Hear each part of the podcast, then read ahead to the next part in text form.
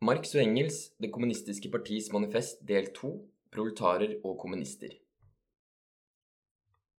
Hva er i det hele tatt forholdet mellom kommunistene og proletarene? Stilt overfor de andre arbeiderpartiene utgjør ikke kommunistene et særskilt parti. De har ingen interesser som er løsrevet fra det samlede proletariatets interesser. De fremmer ingen særskilte prinsipper til utforming av den proletariske bevegelsen. Kommunistene atskiller seg fra de øvrige proletariske partiene utelukkende ved at de på den ene side i de forskjellige nasjonale kampene fremhever og gjør gjeldende hele proletariatets nasjonalt uavhengige interessefellesskap, og på den annen side ved at de i hver av de forskjellige fasene i kampen mellom proletariat og bourgeoisie alltid representerer helhetsbevegelsens interesser. I sin praksis er kommunistene altså den mest resolutte og mest ambisiøse gruppe blant alle lands arbeiderpartier. Til forskjell fra det øvrige proletariatet har kommunistene teoretisk innsikt i vilkårene for den proletariske bevegelsen, samt kunnskap om bevegelsens gang og alminnelige resultater. Kommunistenes fremste mål er identisk med alle de andre proletariske partienes mål å utforme proletariatet som klasse og styrte bourgeoisiets herredømme og erobre den politiske makten gjennom proletariatet. Kommunistenes teoretiske læresetninger springer på ingen måte ut av ideer av prinsipper som er oppfunnet eller oppdaget av en eller annen verdensfrelser. Læresetningen er ingenting annet enn allmenne uttrykk for faktiske forhold i en eksisterende klassekamp i en historisk bevegelse som utfolder seg like foran øynene våre. Det er på ingen måte slik at avskaffelsen av hittidige eiendomsforhold betegner det som er særegent for kommunismen. Alle eiendomsforhold har ustanselig vært i forandring, ustanselig vært underkastet en historisk utvikling. Eksempel den franske revolusjon som avskaffet de fidale eiendomsforhold til fordel for de borgerlige eiendomsforhold. Særegen for kommunismen er ikke avskaffelsen av eiendom som sådan, men avskaffelsen av den borgerlige eiendom. Men den moderne borgerlige privateiendom er det siste og mest fullendte uttrykk for tilvirkning og tilegnelse av de produktene som beror på klassemotsetninger, den enes utbytting av den andre. I denne forstand kan kommunistene sammenfatte sin teori i ett eneste uttrykk opphevelse av privateiendommen. Man har beskyldt oss kommunister for at vi vil avskaffe eiendom som er blitt ervervet gjennom eget arbeid, eiendom som danner grunnlaget for all personlig frihet, virksomhet og selvstendighet. Eiendom er vervet og ærlig fortjent gjennom eget arbeid. Snakker dere om den småborgerlige eiendom, småbondens eiendom, som tilhørte tiden før den borgerlige eiendom, denne eiendommen trenger vi ikke avskaffe, industriens utvikling har avskaffet den, og avskaffer den daglig. Eller snakker dere om den moderne borgerlige privateiendom? Men skaper ikke lønnsarbeidet, det proletariske arbeid, eiendom for proletaren? Slett ikke. Lønnsarbeidet skaper kapital, dvs. Si eiendom som utbytter lønnsarbeid, eiendom hvis betingelser for vekst utelukkende består i at den avler frem nytt lønnsarbeid som den igjen kan utbytte. Eiendom i sin nåværende form grunner seg på motsetningsforholdet mellom kapital og lønnsarbeid. La oss ta for oss de to sidene i dette motsetningsforholdet. Å være kapitalist betyr ikke at man produksjonsmessig inntar en rent personlig stilling. Det innebærer å innta en sosial stilling. Kapitalen er et fellesprodukt og kan kun aktiviseres ved flere samfunnsmedlemmers virksomhet, ja, i siste instans kun ved alle samfunnsmedlemmers felles virksomhet. Kapitalen er med andre ord ingen personlig makt, den er en sosial makt. At kapitalen forvandles til felles eiendom for alle medlemmer av samfunnet, innebærer altså ikke at personlig eiendom forvandles til felles eiendom. Det eneste som forvandler seg, er eiendommens sosiale karakter. Eiendommen mister sin klassekarakter. La oss ta for oss lønnsarbeidet. Lønnsarbeidets gjennomsnittspris er minimum av arbeidslønnen, dvs. Si summen av livsmidler som er nødvendige for at arbeideren skal kunne holdes i live som arbeider. Hva lønnsarbeideren tilegner seg i kraft av sin virksomhet, er for ham kun tilstrekkelig for å kunne opprettholde det nakne liv. Vi vil på ingen måte avskaffe denne personlige tilegnelse av arbeidsproduktene, en tilegnelse som gagner opprettholdelsen av det umiddelbare liv, og som ikke avstedkommer et utbytte som kan gi makt over andres arbeid. Det eneste vi ønsker, er å oppheve denne tilegnelsens elendige karakter, at arbeideren kun lever for å øke kapitalen og tilfredsstille kravene fra den herskende klassen. I det borgerlige samfunn er det levende arbeid utelukkende et middel til å øke det oppsamlede arbeid. I det kommunistiske samfunn er det oppsamlede arbeid utelukkende et middel til å utvide, berike og fremme arbeidernes liv. I det borgerlige samfunn hersker altså fortiden over samtiden, i det kommunistiske samfunn hersker samtiden over fortiden. I det borgerlige samfunn er kapitalen selvstendig og personlig, mens det virksomme individet er uselvstendig og upersonlig. Og opphevelsen av disse forholdene kaller bourgeoisiet opphevelsen av personligheten og friheten. Og med rette. Det dreier seg i aller høyeste grad om opphevelsen av den borgerlige personlighet, selvstendighet og frihet. Med frihet forstår man innenfor de nåværende borgerlige produksjonsforhold den frie handel, fritt kjøp og salg. Men hvis sjakringen går til grunne, går også den frie sjakring til grunne.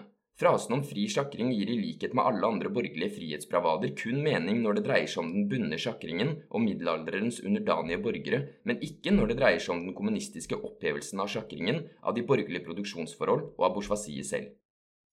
Dere forferdes over at vi vil oppheve privateiendommen. Men i det bestående samfunnet deres er privateiendommen opphevet for ni tiendedeler av samfunnsmedlemmene. Den eksisterer nettopp fordi den ikke eksisterer for ni tiendedeler. Det dere anklager oss for, er altså at vi vil oppheve en eiendom hvis nødvendige forutsetning er det overveldende flertalls eiendomsløshet. Kort sagt, dere anklager oss for at vi vil oppheve den eiendom dere er i besittelse av. Ja visst, det vil vi. I det øyeblikk arbeidet ikke lenger kan forvandles til kapital, penger, grunnrente, til en sosial makt som lar seg monopolisere, dvs. Si det øyeblikket den personlige eiendom ikke lenger kan forvandles til borgerlig eiendom, i det øyeblikk erklærer dere at personligheten er opphevet. Dere bekjenner altså at dere med personlighet ikke mener noe annet enn bourgeoisen, den borgerlige eiendomsbesitter, og denne personlighet skal ganske visst oppheves. Kommunismen fratar ingen makten til å tilegne seg sosiale produkter. Kommunismen tar bare makten fra dem som i kraft av denne tilegnelse undertrykker andres arbeid. Man har innvendt at opphevelsen av privateiendommen fører til opphevelsen av all virksomhet, og at allmenn dovenskap vil gripe om seg. I tråd med dette skulle det borgerlige samfunn for lengst ha gått i grunne som følge av latskap ettersom de som arbeider, ikke erverver, og de som erverver, ikke arbeider. Hele betenkeligheten kan sammenfattes i følgende tautologi. Det finnes ikke lenger lønnsarbeid idet det ikke lenger finnes kapital. Alle innvendinger som blir rettet mot den kommunistiske tilegnelses- og produksjonsmåte innenfor den materielle produksjon, er blitt utvidet til å gjelde også for tilegnelse og produksjon av åndelige produkter. Slik klasseeiendommens opphør for bourgeoisen innebærer opphør av produksjon som sådan, så er for ham opphør av klassedannelse identisk med opphør av dannelse overhodet. Det dannelsestap bourgeoisen beklager, er for det enorme flertall ensbetydende med utdannelse til å bli maskin. Men bry dere ikke om å krangle med oss, så lenge dere setter hva dere har av forestillinger om frihet, dannelse, rett osv. som målestokk for avskaffelsen av den borgerlige eiendom. Ideene dere har, er ikke annet enn produkter av de borgerlige produksjons- og eiendomsforhold. På samme måte er ikke retten annet enn deres egen klassevilje opphøyet til lov, en vilje hvis innhold er gitt i og med de materielle livsvilkår for den klassen dere tilhører. Følgende forestilling deler dere med alle herskende klasser som er gått under, den selvsentrerte forestillingen om at produksjons- og eiendomsforhold lar seg forvandle fra historiske og, i produksjonens gang, midlertidige forhold til evige natur- og fornuftslover. Hva dere forstår med den antikke eiendom, hva dere forstår med den føydale eiendom, slik kan dere ikke lenger forstå den borgerlige eiendom. Opphevelsen av familien Selv de mest radikale provoseres av denne kommunismens kjendige hensikt. Hva er samtidens borgerlige familie betinget av?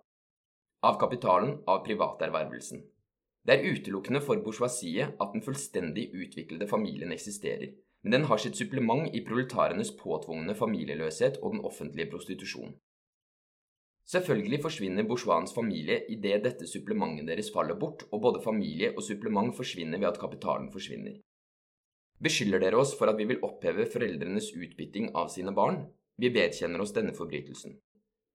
Men, sier dere, vi avskaffer de mest høytskattede forhold fordi vi erstatter den hjemlige oppdragelse med sosial oppdragelse. Er det ikke slik at deres egen form for oppdragelse er bestemt av samfunnet, de sosiale omstendighetene rundt måten dere underviser på, direkte eller indirekte innblanding fra samfunnet gjennom skolen osv. Samfunnets innvirkning på oppdragelsen er ikke noe kommunistene har funnet på. Kommunistene endrer bare dens karakter, de løsriver oppdragelsen fra den herskende klassens innflytelse. Jo oftere proletariatets familiebånd rives over som følge av storindustrien, og jo mer barn ganske enkelt forvandles til varer og arbeidsredskaper, desto mer motbydelige blir de borgerlige frasene om familie og oppdragelse, om det høytskattede forhold mellom foreldre og barn. Men dere kommunister vil innføre kvinnefellesskap, skriker hele bourgeoisiet i kor mot oss. I sin kone ser bourgeoisen ingenting annet enn et produksjonsredskap. Han hører at produksjonsredskapene skal utnyttes på sosialt vis, og selvsagt kan han ikke tenke seg noe annet enn at denne fellesskapsskjebnen også vil ramme kvinnene. Han aner ikke at det nettopp handler om å oppheve kvinnenes stilling som rene produksjonsredskaper. Ingenting er mer latterlig enn våre bourgeois høymoralske forferdelse over kommunistenes etter sigende offisielle kvinnefellesskap. Kommunistene trenger ikke innføre kvinnefellesskapet, dette har så å si alltid eksistert. Våre bourgeoiser som ikke ser seg fornøyd med at de har proletarenes koner og døtre til rådighet, for ikke å snakke om den offentlige prostitusjon, har som en av sine hovedfornøyelser å forføre hverandres koner. Det borgerlige ekteskapet er i virkeligheten de gifte kvinners fellesskap. Derfor kunne man i høyden rette den anklage mot kommunistene at de vil erstatte et hyklersk og skjult kvinnefellesskap med et offisielt og åpent kvinnefellesskap. For øvrig sier det seg selv at med opphevelsen av de nåværende produksjonsforhold vil også det kvinnefellesskapet som er etablert som en konsekvens av disse forholdene, dvs. Si den offisielle og den ikke-offisielle prostitusjon, forsvinne. Videre er kommunistene blitt beskyldt for at de vil avskaffe fedrelandet, avskaffe nasjonaliteten. Arbeiderne har ikke noe fedreland. Man kan ikke frata dem noe de ikke har. At proletariatet først erobrer det politiske herredømmet, hever seg opp til nasjonal klasse og må konstituere seg selv som nasjon, innebærer at det fremdeles er nasjonalt, men på ingen måte i den borgerlige betydningen av ordet. Nasjonal avsondrethet samt motsetningene folkeslag imellom forsvinner mer og mer med bourgeoisiets utvikling, med handelsfriheten, verdensmarkedet, den industrielle produksjons ensartethet samt de tilsvarende livsforhold. Proletariatets herredømme vil få alt dette til å forsvinne i langt høyere grad. Forent aksjon, i det minste i de siviliserte landene, er en av de første betingelser for proletariatets frigjøring. I samme monn som det ene individs utbytting av det andre oppheves, oppheves den ene nasjons utbytting av den andre. Med bortfall av motsetningene mellom klassene innad i nasjonen forsvinner nasjonenes fiendtlige holdninger til hverandre. De anklager som i det hele tatt rettes mot kommunistene ut fra religiøse, filosofiske og ideologiske synspunkter, fortjener ingen ytterligere drøftelse er det behov for dypere innsikt for å forstå at parallelt med forvandlinger av menneskenes livsforhold, sosiale relasjoner og sosiale tilværelse forvandles også menneskenes forestillinger, betraktningsmåter, begreper og, kort sagt, bevissthet? Hva annet beviser ideenes historie enn at den åndelige produksjon omformes sammen med den materielle produksjon? En epokes herskende ideer har alltid vært den herskende klassens ideer. Man snakker om ideer som revolusjonerer et helt samfunn, og dermed snakker man utelukkende om et faktum at elementene til et nytt samfunn har dannet seg innenfor det gamle samfunnet, at oppløsningen av de gamle livsforhold holder tritt med oppløsningen av de gamle ideene. Da den gamle verden var ved å gå under, ble de gamle religionene beseiret av den kristne religion. Da de kristne ideene i det 18. århundre ga etter for opplysningens ideer, sto det føydale samfunn overfor sin dødskamp med det den gang så revolusjonære bourgeoisiet. Ideen om tanke- og religionsfrihet uttrykte ikke annet enn den frie konkurransens herredømme på samvittighetens område. Sitat, men, sitat slutt, vil man si. Sitat, selvfølgelig er det slik at religiøse, moralske, filosofiske, politiske, juridiske ideer osv. modifiserer seg i løpet av den historiske utviklingen. Religionen, moralen, filosofien, politikken, retten lot seg ikke rokke, forvandlingene til tross. Det finnes dessuten evige sannheter som frihet, rettferdighet osv. som er felles for alle sosiale tilstander.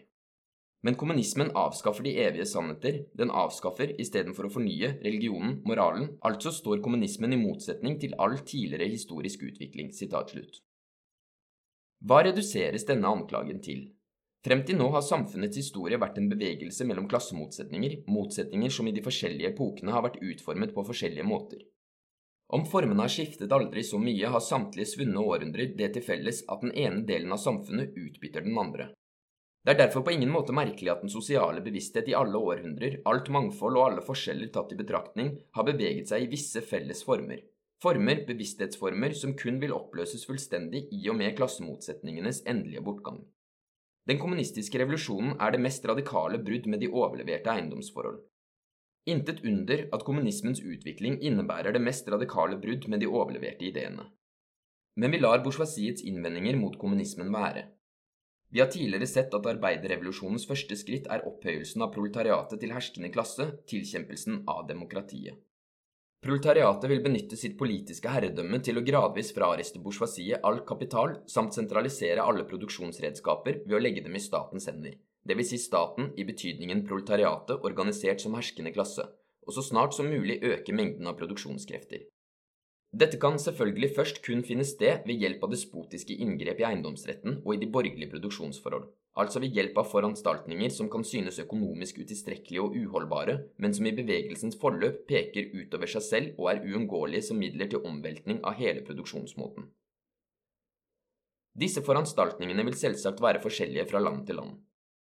For de mest fremskredne landene vil like fullt det følgende kunne komme nokså allment til anvendelse. 1. Ekspropriasjon av grunneiendom og bruk av grunnrenten til statlige utgifter. 2. Sterkt progressiv beskatning. 3. Avskaffelse av arveretten. 4. Konfiskering av samtlige emigranters og opprøreres eiendom. 5. Statlig sentralisering av kreditten gjennom en nasjonalbank med statskapital og uinnskrenket monopol. 6. Statlig sentralisering av all transport. 7. Utvidelse av nasjonalfabrikkene, produksjonsredskapene, nydyrking og forbedring av landområder i tråd med en felles. 8. Lik arbeidsplikt for alle. Grunnleggelse av industrielle armeer, særlig med tanke på jordbruket. 9. Forening av åker- og industridriften. Tiltak for å litt etter litt å bevirke opphøret av motsetningen mellom by og land. 10. Offentlig og gratis oppdragelse av alle barn. Avskaffelse av barnearbeid i fabrikkene i dets nåværende form. Forene oppdragelsen med den materielle produksjon osv. osv. Hvis utviklingens gang innebærer at klasseforskjellene forsvinner og all produksjon samles i hendene på de assosierte individene, vil det offentlige herreveldet miste sin politiske karakter. Det politiske herreveldet er i egentlig forstand en klasses undertrykking av en annen klasse gjennom et organisert herrevelde. Når proletariatet i kampen mot bourgeoisiet med nødvendighet forener seg til én klasse og i kraft av en revolusjon gjør seg til herskende klasse, og som herskende klasse med makt opphever de gamle produksjonsforhold, så opphever det, i tillegg til disse produksjonsforholdene, klassemotsetningenes eksistensvilkår, klassene over hodet, og med dette sitt eget herredømme som klasse. Det gamle borgerlige samfunn med sine klasser og klassemotsetninger erstattes av en sammenslutning der den enkeltes frie utvikling er betingelsen for alles frie utvikling.